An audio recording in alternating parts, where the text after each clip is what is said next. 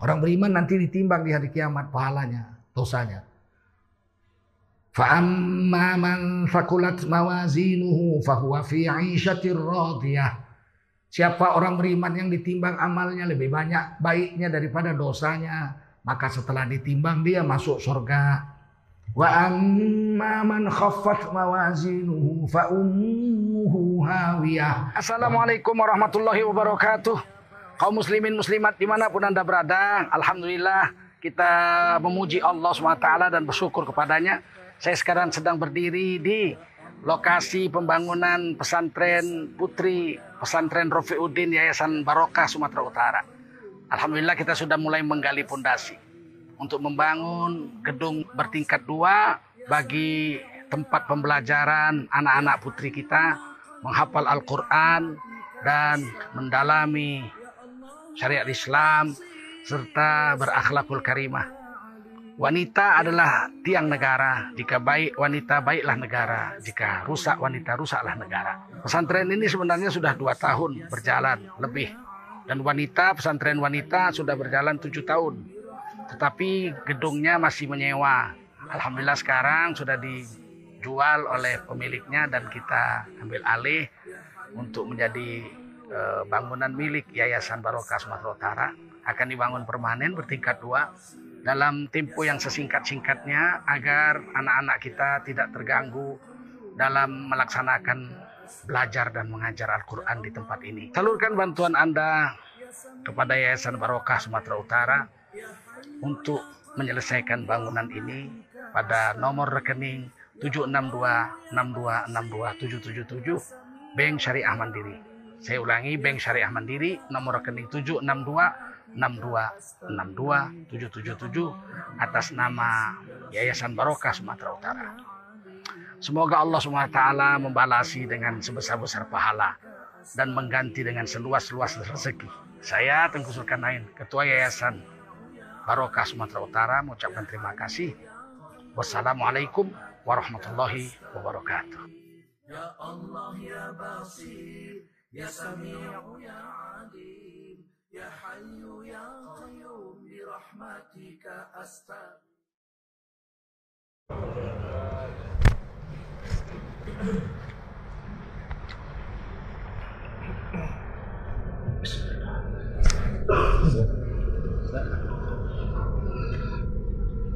السلام عليكم ورحمة الله وبركاته. وشكرا لله وصلاة وسلاما على رسول الله وعلى آله وصحبه ومن والاه. اللهم صل وسلم على هذا النبي الكريم سيدنا وحبيبنا ومولانا محمد وعلى آله وصحبه أجمعين. أما بعد قال الله تعالى في كتابه الكريم أعوذ بالله من الشيطان الرجيم. بسم الله الرحمن الرحيم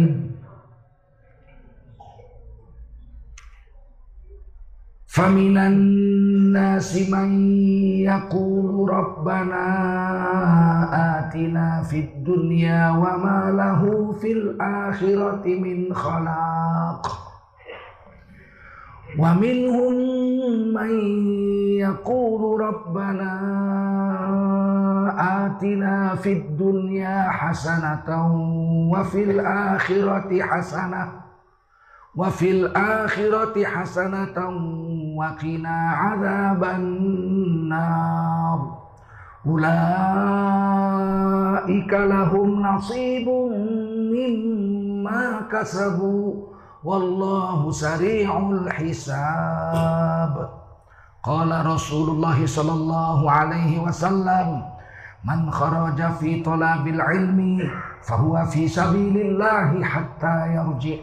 Baginda rasul bersabda siapa keluar untuk mendapatkan ilmu orang itu adalah orang yang berjihad fi sabilillah sampai dia kembali ke tempatnya.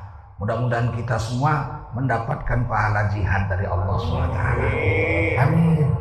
صدق الله العظيم وصدق رسوله النبي الكريم ونحن على ذلك من الشاهدين والشاكرين والحمد لله رب العالمين Para ulama, tuan-tuan guru yang dimuliakan Allah SWT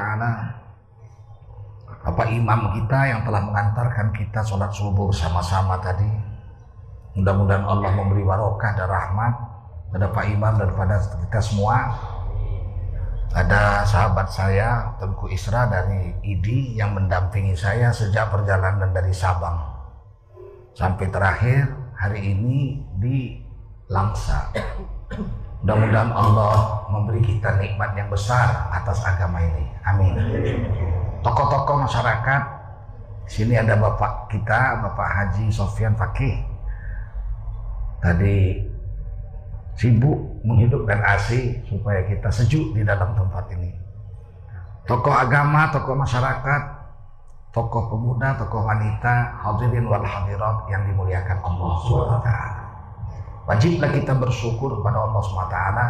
Salawat dan salam kita sampaikan untuk baginda Rasulullah SAW. Hari ini saya gembira sekali. Yang hadir ramai sekali, masya Allah. Kalau subuh sudah begini rata-rata di semua masjid seluruh Indonesia, insya Allah tidak lama lagi negeri ini akan berubah menjadi negeri yang baldatun toyibatun. Ujian iman itu bagi orang Islam adalah sholat subuh berjemaah. Kalau sholat subuh berjemaah sudah rame, artinya orang munafik sudah sedikit. Sebab orang munafik dulu sholat zuhur, asar, maghrib datang ke masjid rame-rame. Orang munafik itu tidak ke masjid dua waktu, isya dengan subuh. Karena isya sudah gelap, dulu kan nggak ada listrik. Subuh masih gelap, ah Rasulullah nggak lihatnya itu katanya. Mereka nggak datang. Masjid Nabawi itu, Masjid Nabi, itu tujuh tahun nggak ada lampu. Tujuh tahun tidak ada lampu. Baru tahun ketujuh ada orang kaya perempuan memasang lampu di masjid. Maka Nabi mengatakan siapa memasang lampu di masjid, dia akan mendapat penerangan di hari kiamat. Jadi gelap orang munafik gak datang. Kalau subuh udah begini banyak berarti orang munafik udah sedikit. Dan udara segar. Karena yang bangun orang-orang soleh hanya orang munafik belum bangun. Napasnya belum mengotori udara. Orang munafik tuh banyak pak. Zaman Rasulullah aja 30 persen. Zaman Rasulullah 30 persen. Dari mana ukurannya? Dari perang Uhud. Perang Uhud itu tahun ketiga hijrah. Kita diserang dengan 3000 pasukan. Nabi bertahan dengan 1000 pasukan. Musyawarah di mana perang? Di Uhud. Jangan di kota Madinah. Nanti ikut perempuan-perempuan anak-anak kena panah. Maka dicegatlah 6 km sebelum sampai kota Madinah di pegunungan sebuah pegunungan namanya Uhud. Di situlah dicegat, perang terjadi. Berangkatlah Nabi dari Madinah seribu pasukan. Raja orang munafik gembongnya ikut. Abdullah bin Ubay bin Salul ikut. Tapi bukan ikut untuk perang, ikut untuk merongrong perjuangan Islam. Sampai di Uhud dia mulai mempengaruhi orang tuh apa kita ikut perang ini perang antara orang Mekah aja ini. Biarkan mereka sama mereka bunuh-bunuhan. Kita pulang aja. Nanti kalau kita mati, istri kita jadi janda, anak kita jadi yatim. Ngapain kita bela-bela Muhammad itu? Itu orang asing itu. Orang asing itu. Bukan orang asli kita. Pulang, pulang, pulang, pulang. Berhasil mempengaruhi 300 orang. Tinggal 700 orang Islam lawan 3000 bayangkan. Dan kita kalah itu pada peperangan fase kedua, babak kedua kalah. 70 sahabat Nabi wafat di Uhud termasuk paman yang paling Rasulullah sayangi yaitu Sayyidina Hamzah radhiyallahu anhu. Zaman Nabi aja sudah digelar radhiyallahu anhu. Sahabat-sahabat itu sudah digelar radhiyallahu anhu. 30% munafik. Kira-kira sekarang tambah sedikit atau tambah banyak orang munafik? Ibu-ibu yang bilang. Tapi kurasa memang iya. Saya rasa memang iya. Sekarang ini waduh Gelar kiai, profesor, doktor, tapi kata-katanya itu menyakitkan orang Islam. Dosen-dosen agama jangan mengajarkan akidah. Banyak-banyak, cukup sekali pertemuan. Syariat sekali pertemuan yang lain moral aja. Karena akidah kalau dipelajari membuat orang menjadi radikal. La ilaha illallah. Kok tega ya ulama besar ngomong begitu? Justru orang yang akidahnya kuatlah yang tidak akan melakukan kezaliman. Betul? Karena dia tahu Allah maha mengetahui. Baik yang kita zahirkan, baik yang kita simpan di hati. Wa a'lamu ma tubdun wa ma kuntum taktumun. Allah tahu apa yang kau simpan di hatimu, apa yang kau sebutkan. Allah tahu yang kau simpan di hatimu, Allah tahu. Allah itu maha melihat. Yang dilihat Allah itu yang berbentuk ataupun yang tidak berbentuk. Beda dengan kita. Kalau kita melihat yang berbentuk, itu pun belum tentu betul. Bisa saja salah. Ganteng kita lihat. Sekali kita dekati hitam. Cantik dari jauh dekati pesek. Belum tentu betul yang berbentuk itu. Kalau Allah, Allah melihat dengan pas yang berbentuk ataupun yang tidak berbentuk. Goresan hatimu Allah lihat. Goresan hati nggak berbentuk, ada bentuknya. Allah lihat. Allah mendengar, kita mendengar tapi yang berbunyi itu pun belum tentu betul yang kita dengar. Kadang-kadang salah. Ceramah sambil ngobrol. Kata Ustadz tuh, saya tadi pagi sarapan pagi makan pulut sekepal. Hah? Dia sambil ngobrol. Patut Ustadz gemuk. Sarapan pagi makan pulut sekapal. Salah. Kata Ustadz tuh, tapai boleh dimakan. Dia pulang dia bilang sesat tengkusulkan air. Kenapa? Tupai boleh dimakan. Yang bunyi aja salah kita dengar. Allah tuh mendengar yang bunyi dan mendengar yang tidak berbunyi. Allah mendengar jeritan batinmu. Jeritan batin bunyi nggak? Allah dengar. Itu innahu was-sami'ul basir. Allah Maha melihat yang ber, yang berbentuk atau tidak berbentuk. Allah Maha mendengar yang berbunyi atau tidak berbunyi. Malaikat nggak bisa dengar yang tidak berbunyi. Kalau ada orang duduk di habis sholat sunat dia duduk berzikir kemudian dia berdoa nggak bunyi, air matanya yang bercucuran, geger malaikat selangit. Kata malaikat selangit, ya Allah apa ini orang? Dari tadi air matanya bercucuran. Kalau dia bicara kami bisa mengaminkan. Ini dia nggak bicara, dia nangis saja dari tadi ini.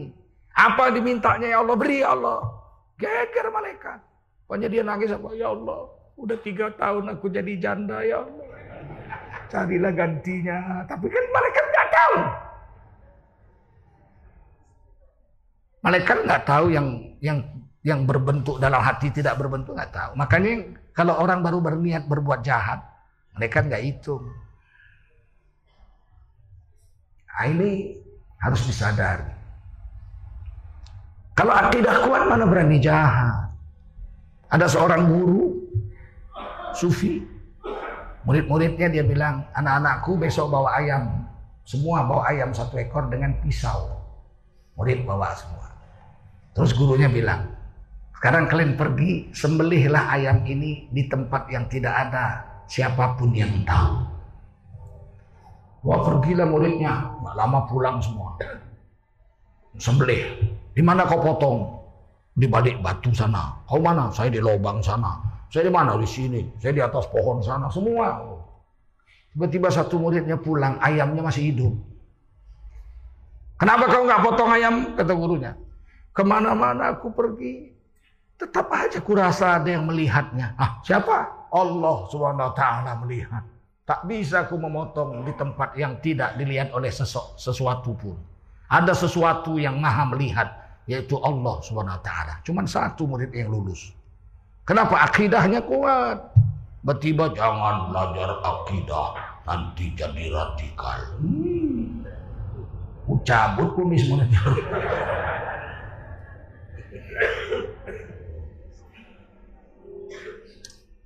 Kalau menjilat jangan terlalu kali lah, ya kan? Menjilat jangan terlalu kali. Sampai agama sendiri dirusak. Dan apalah ilmu tinggi, nahu sorob hebat, Quran hafal, profesor, doktor. Kalau melarang orang Islam belajar akidah. Dulu penjajah Belanda gitu juga. Orang belajar tasawuf sifat 20, jangan nanti kau gila. Mana ada orang belajar agama gila. Yang gila itu orang yang nggak mau belajar agama. Betul? Hari ini kembali sifat penjajah Belanda itu menghinggapi ulama-ulama Islam di Indonesia. Bagaimana nasib cucu-cucu kita nanti 50 tahun yang akan datang? Bagaimana nasib agama 50 tahun yang akan datang? Kalau begini model ulama-ulama kita.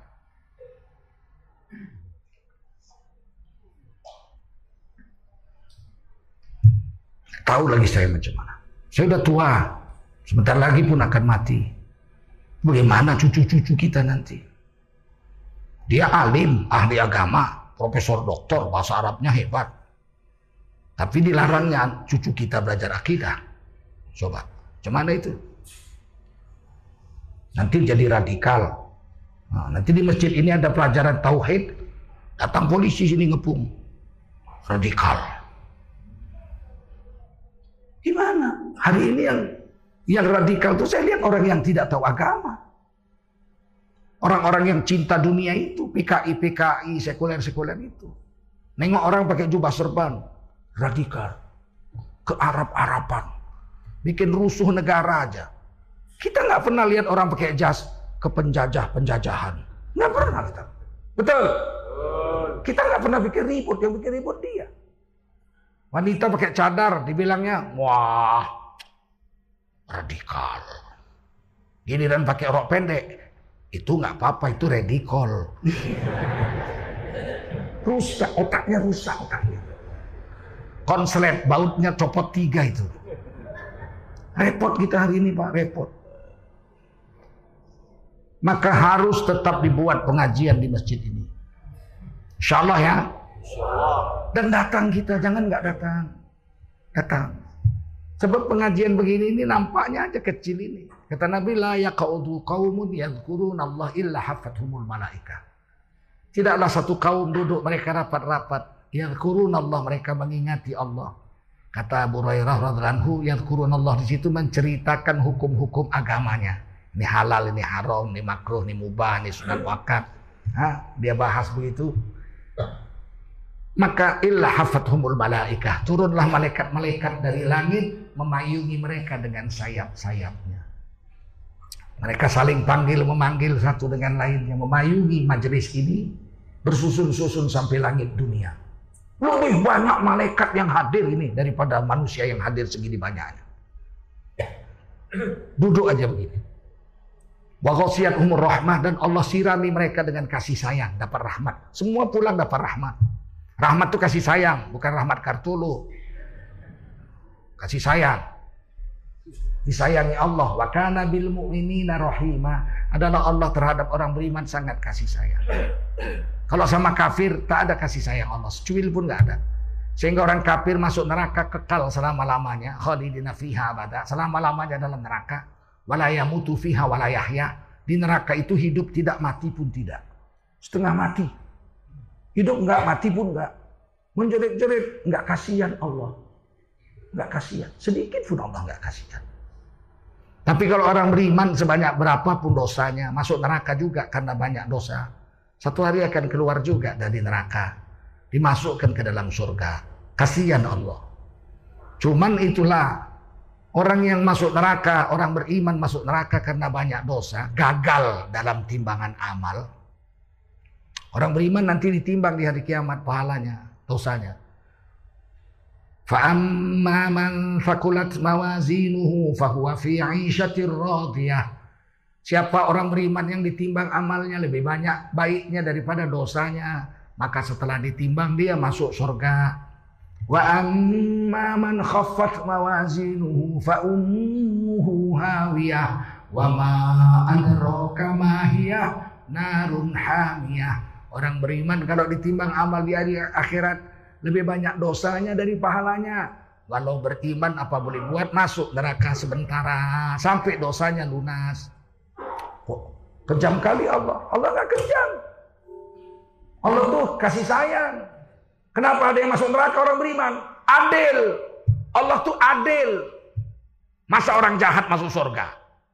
Orang baik masuk surga? Nggak adil lah Allah.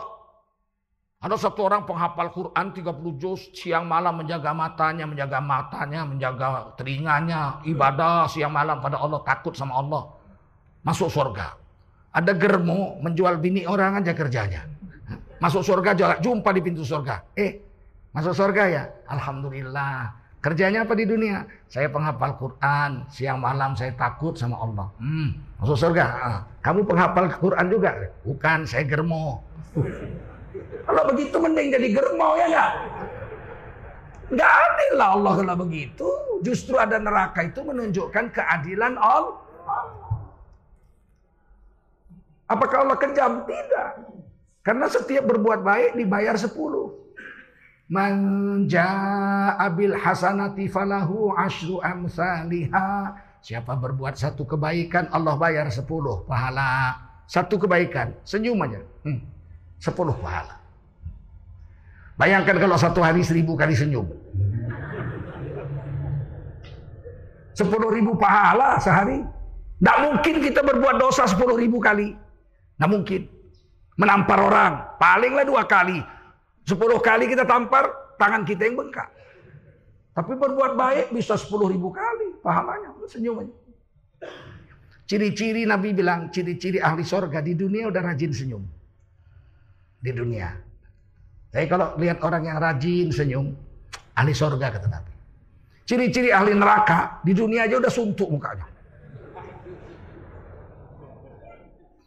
Lakinya pulang, anaknya pergi sekolah, anaknya makan, suntuk aja.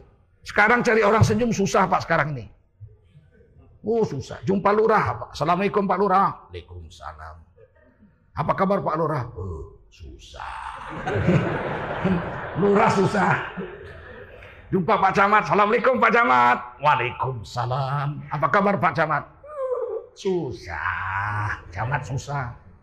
Jumpa wali kota, assalamualaikum Pak Wali. Waalaikumsalam. Gimana? Uh, sekarang semua susah. Wali kota susah. Assalamualaikum Pak Gubernur, apa kabar? Hanya, dua orang tidak tahu eh, masuk penjara dua tahun nah. oh, gubernur pun susah. Lihat orang yang senyum sekarang susah. Senyum. Padahal senyum itu satu hasanah. Satu hari seribu kali senyum bisa sepuluh ribu pahala. Jangan-jangan kita masuk surga karena senyum aja.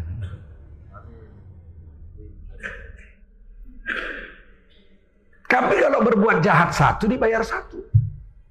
Kalau berbuat baik satu dibayar sepuluh. Nun sepuluh pahala. Nun sepuluh pahala. Nun sepuluh pahala. Sadaqallahul azim. Loh, kau cuma baca nun aja. Kalau nun kenapa banyak? Eh, hari ini orang menghina agama banyak, Pak. Tokoh-tokoh agama. Baca Quran kok cuma nun. Jadi kalau nun kenapa? Kenapa rupanya kalau nun? Nabi tak pernah melakukannya. Terus bid'ah. Terus masuk neraka. Kepala tuh kau.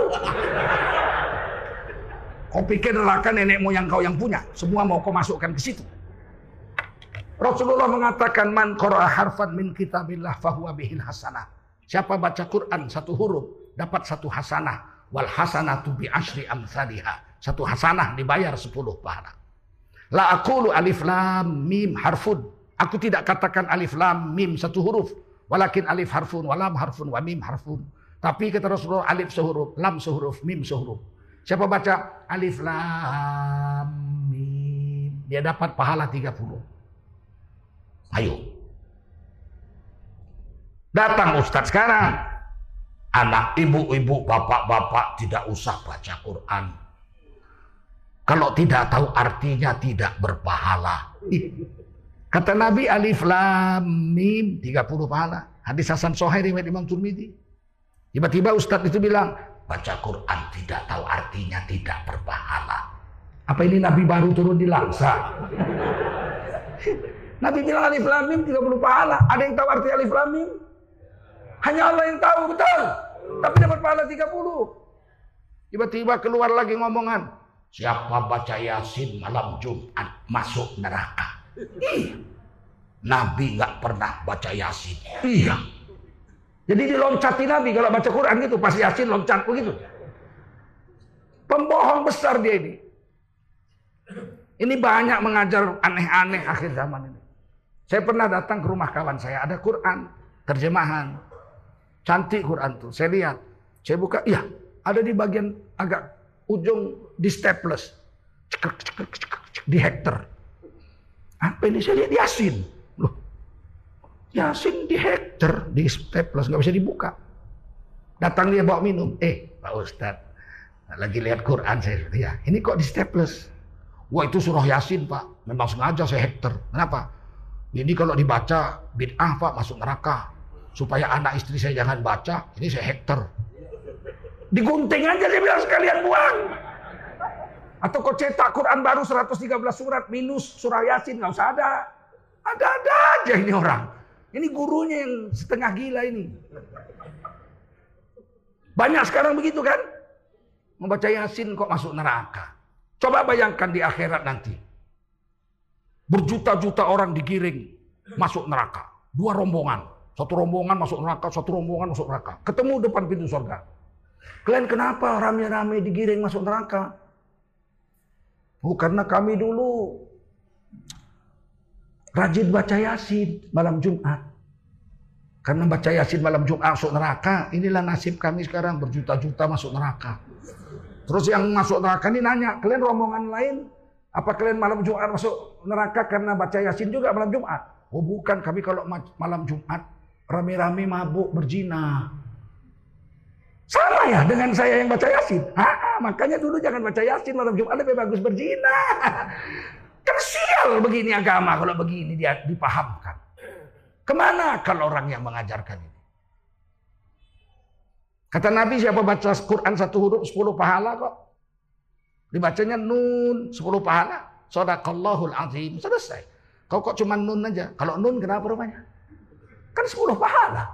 Kok kau keberatan Nabi aja nggak keberatan? Ah, coba. Hari ini banyak aneh-aneh. Kata Nabi kita duduk mengingat Allah. Turun malaikat memayungi. Ada orang sahabat Nabi, zaman sahabat Nabi. Duduk di masjid dengan sepupunya. Sepupunya penghafal Quran terbaik zaman itu. Abu Musa al-Ash'ari radhiallahu Sepupunya yang satu lagi ini nggak ahli Quran. Duduk habis Isya iktikaf di masjid. Dibacanya kulhu. Ini hadis Bukhari dalam kitab Riyadus Solihin ditulis ini. Anna rajulan sami'a rajulan yakra'u kul huwallahu ahad yurad duha. Ada seorang laki-laki duduk mendengarkan saudaranya lagi baca kul huwallahu ahad. Diwirid-wiridkan.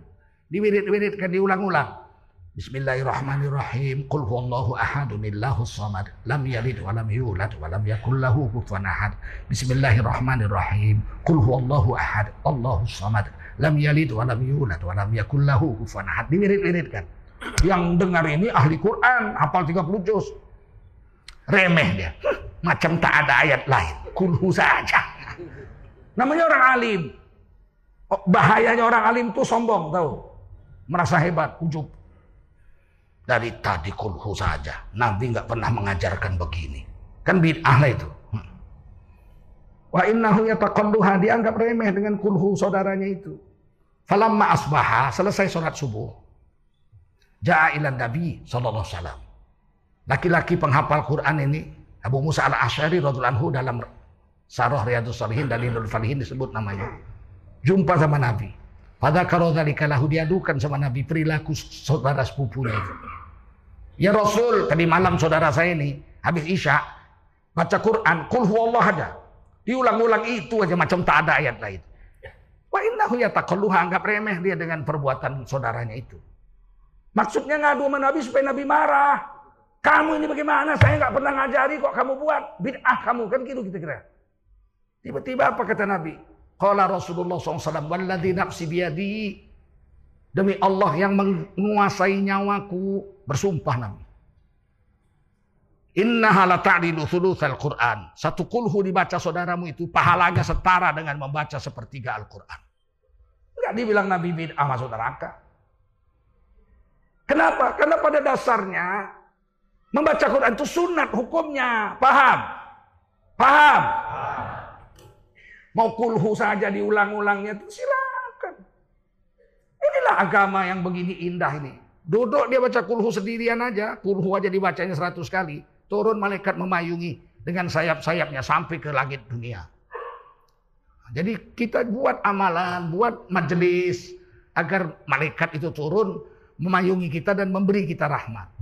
Yang ketiga wanazalat alaihi sakinah, diberikan ketenangan jiwa. Duduk begini aja, ngaji ini, tenang jiwa, tentram. Pulang ke rumah sejuk hati itu. Tidak menggelabah hati itu. Itu hebatnya majelis ini. Ini campur malaikat. Ada ketenangan jiwa. Tidak ada ketenangan jiwa kecuali dalam agama. As-sakinah unjilat minas samai ma'al malaika. Imam Nawawi mengatakan sakinah itu adalah ketenangan jiwa turun dari langit diturunkan Allah dan ketika sakinah itu turun ikut malaikat mengiringinya. Nah, jadi sakinah itu harus ada malaikatnya. Kalau tidak ada malaikatnya bukan sakinah. Zikir, tenang, sakinah. Baca Quran, hati tenang, sakinah. Sholat tahajud malam, hati tenang, sakinah. Pergi ke Bali, berjemur-jemur di pantai buka aurat macam buaya, ngeliling, gelinding, gelinding macam buaya. Nggak tenang itu apa pula? Oh tenang, saya senang. Itu tidak ada sakinah. Mana ada sakinah jadi buaya? Nggak ada sakinah. Sakinah hanya ada dalam agak berjoget dia pakai organ tunggal sama bini orang agak kanan, agak kanan, agak kanan agak kanan, agak kiri, agak kiri. La ilaha illallah. Zaman Pak Harto 32 tahun nggak pernah kita lihat Pak Harto menyanyi, betul? Joget apalagi, betul? Sekarang asal habis rapat pejabat-pejabat langsung main organ tunggal. Ke kanan, agak kanan, agak kanan, agak kiri, agak kiri. Sama bini orang. Aku kalau biniku joget sama laki orang, ku jambak. Aku yang bayar mahar laki orang pula yang menjogetinya, ya enggak? Kalau mau joget sama aku kau di kamar. Joget sama laki orang pula. Bangga pula kadang-kadang laki itu. Tengok bini gue hebat joget. Memang udah gila. Tidak ada sakinah di situ. Yang keempat, wadzakarahumullahu fiman indahu. Duduk mengaji begini. Nama kita satu-satu disebut di langit. Sehingga seluruh malaikat kenal dengan dia. Ada orang yang selalu datang ke majelis taklim, majelis zikir. Di dunia tidak terkenal, tinggal di pinggir hutan. Istrinya pun melarikan diri. Tinggal sebatang kara karena miskinnya. Tapi sering datang ke majelis taklim, majelis zikir. Ketika dia mati, seluruh malaikat selangit mendoakan akan kemuliaannya. Begitu. Tidak terkenal di dunia tapi masyhur di langit. Yang terakhir di hadis yang lain, ketika kita berdiri mau pulang, malaikat menjerit di langit, "Kumu maghfuran lahu." Bangunlah, maghfuran lakum. Bangunlah. Dosa-dosa kamu semua sudah pun diampuni oleh Allah Subhanahu Kumu maghfuran lakum. Kamu berdiri, semua dosa kamu sudah diampuni. Dosa yang kita bawa sebanyak bintang di langit sebesar gunung kita pikul ini dosa kita bawa, Pak. Jangan dibilang tak dibawa. Dosa itu tidak tinggal di lemari rumah kita. Dosa itu lengket di tubuh kita.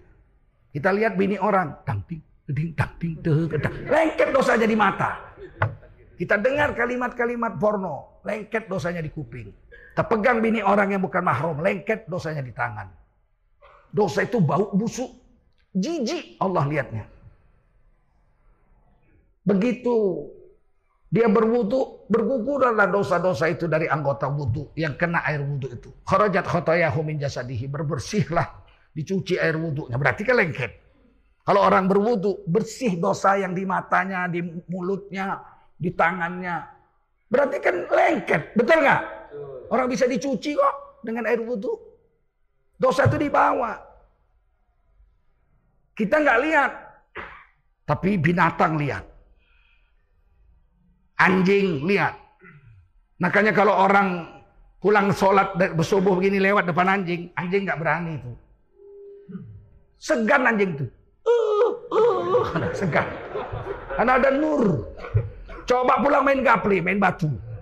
Lewat depan anjing, dikejar anjing. Kenapa? Karena dilihat anjing itu serupa dia. Saingan nih, saingan.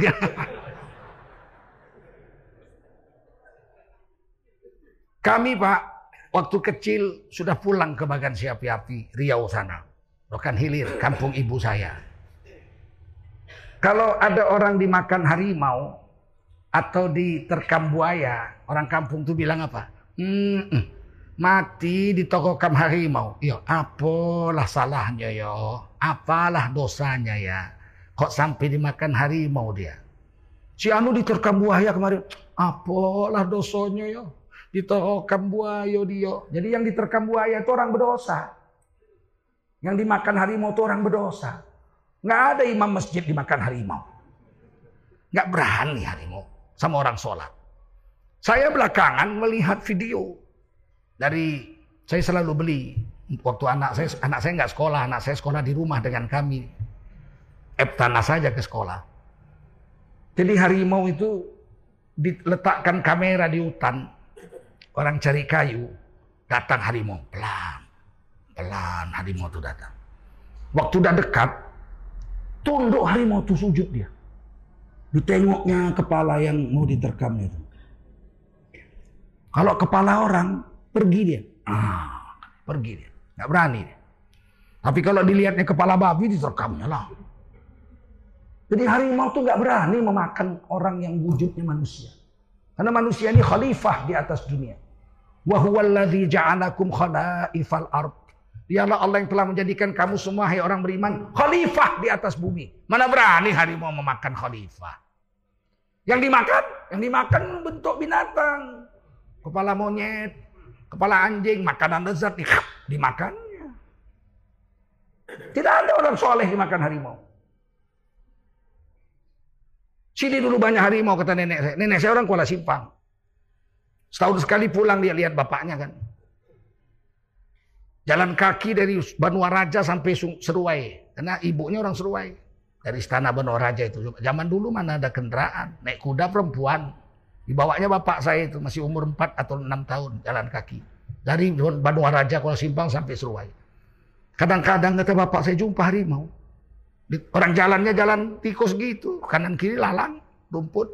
Apa kata nenek saya itu? Jangan lari ya nak, jangan lari. Itu kucing besarnya itu nak. Tenang aja, zikir la ilaha illallah. Lewat aja depan harimau dia, sama harimau itu nengok nenek saya. Kasihan janda nih kan gitu. Tadi makan, bapak saya bilang beberapa kali pulang jumpa harimau nggak ada masalah. Coba sekarang tes berani nggak? lewat depan harimau.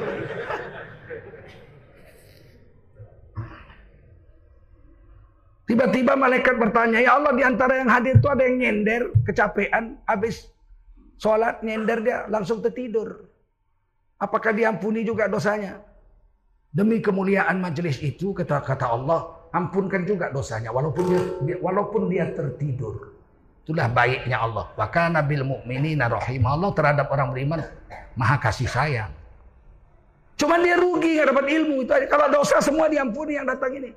Ilmu nggak dapat. Pulang ke rumah ditanya sama istrinya, abang dari mana bang? Ngaji di masjid, payah apa? Payah bujuk. Ah, siapa ustadznya? Teguh Zulkarnain dari Jakarta. Masya Allah. Apa isi ceramahnya? Amma Ba'du. Orang dia tidur. Dia luki aja gak dapat ilmu, tapi dosa diampuni. Jadi kenapa kita nggak mau duduk dalam majelis taklim? Kadang-kadang ada jemaah lagi duduk di masjid baca taklim. Hadis. Bahasa Indonesia aja. Duduk kita dengar. Rasulullah mengharamkan buang air kecil di lobang-lobang binatang. Kita dengar sekali. Hafal kita kan. Satu hari satu, setahun 365 hadis kita hafal. Satu hari kita lagi jalan-jalan, mau buang air kecil, nampak lubang emak, ini lubang semut. Pindah, pindah kencing tuh, saat. Kenapa? Kok pindah kata kawannya? Berenang nanti semut. Aku pernah dengar hadis dulu di masjid. Dilarang oleh Rasulullah buang air kecil di lubang-lubang binatang. Manfaat taklim itu. Tapi kita hari ini nggak mau dengar.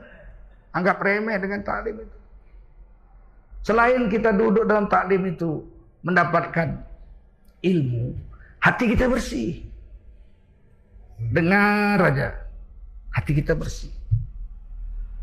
Huwallazi ba'atha fil ummiyina rasulam minhum yatlu alaihim ayatihi wa yuzakkihim wa yu'allimuhumul kitaba wal hikmah wa in kanu min qablu lafi dhalalim mubin. Dialah Allah yang telah mengutuskan seorang rasul kepada kaum yang buta huruf. Rasul itu membacakan kepada mereka ayat-ayat Tuhan mereka. Mereka mendengarnya wa yuzakkihim hati mereka jadi bersih dengan mendengarkan taklim dari Nabi. Setelah hati bersih, wa yu'allimuhumul kitab wal hikmah. Diajarkanlah ilmu Al-Quran dan hikmah hadis-hadis Nabi.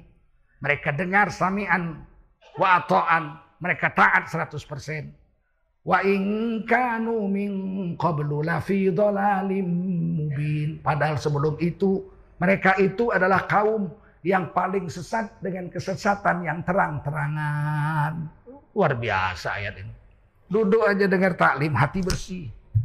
Maka nggak usah heran jemaah tablik tiga hari iktikaf di masjid. Dia taklim tuh dari jam 9 sampai jam 12. Dibacakan ayat-ayat Quran, hadis. Orang tuh duduk dengar. Tiga hari kemudian preman berubah. Kanan kiri tato. Ular naga. Ke mana-mana nakut-nakuti orang di pasar. Nih, mulai naga. Menjawab. Menjawab. Naga, naga. Keluar tiga hari, tutup pakai jubah. Mana nagamu? Mana? Nggak ada. Nggak ada. Begitu tunduknya dia dengan taklim. Kalau sama polisi, tunduk juga tapi sebentar. Datang polisi ada preman tukang minta duit. Datang polisi pakai pistol. Mana? Ini apa ini? Cacing. Begitu pergi polisi itu jahat lagi dia. Tapi dengan taklim, preman besar berubah jadi soleh. Pemabuk berubah jadi soleh. Kok bisa secepat itu? Bukan pakai sihir jemaah tablik itu. Membaikkan orang. Pakai taklim. Tiga hari. Tiga hari kali tiga jam. Sembilan jam duduk dengan taklim. Bersih hatinya wa. Begitu disampaikan ilmu.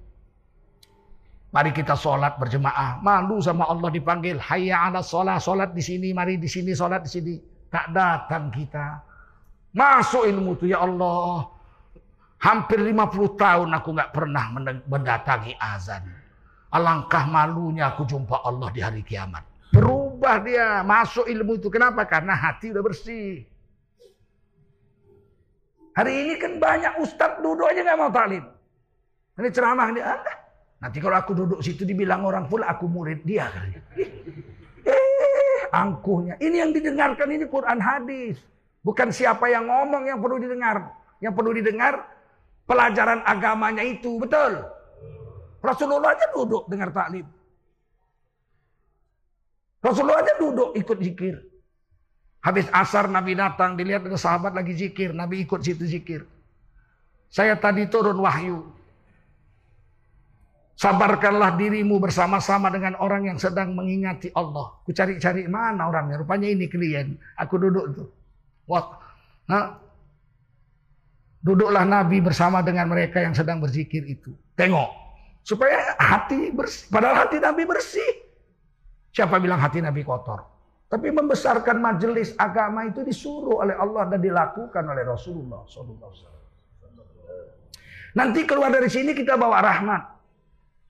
Bertebaranlah di kampung ini. Semua akan menyebarkan rahmat Allah yang ada di masjid ini kepada orang kampung. Kan masuk masjid dapat rahmat.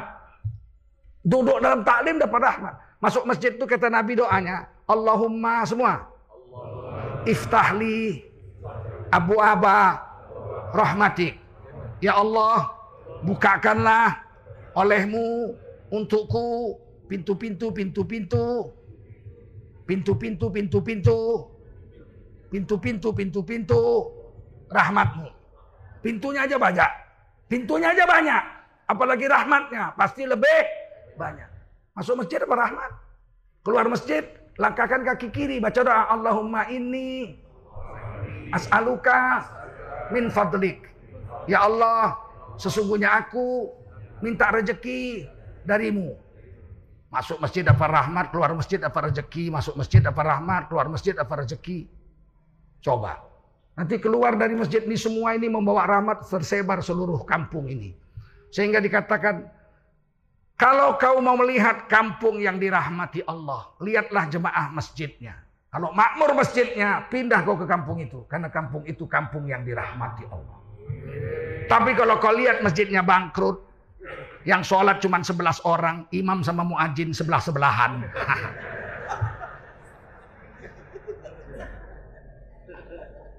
Hati-hati kau tinggal di kampung itu.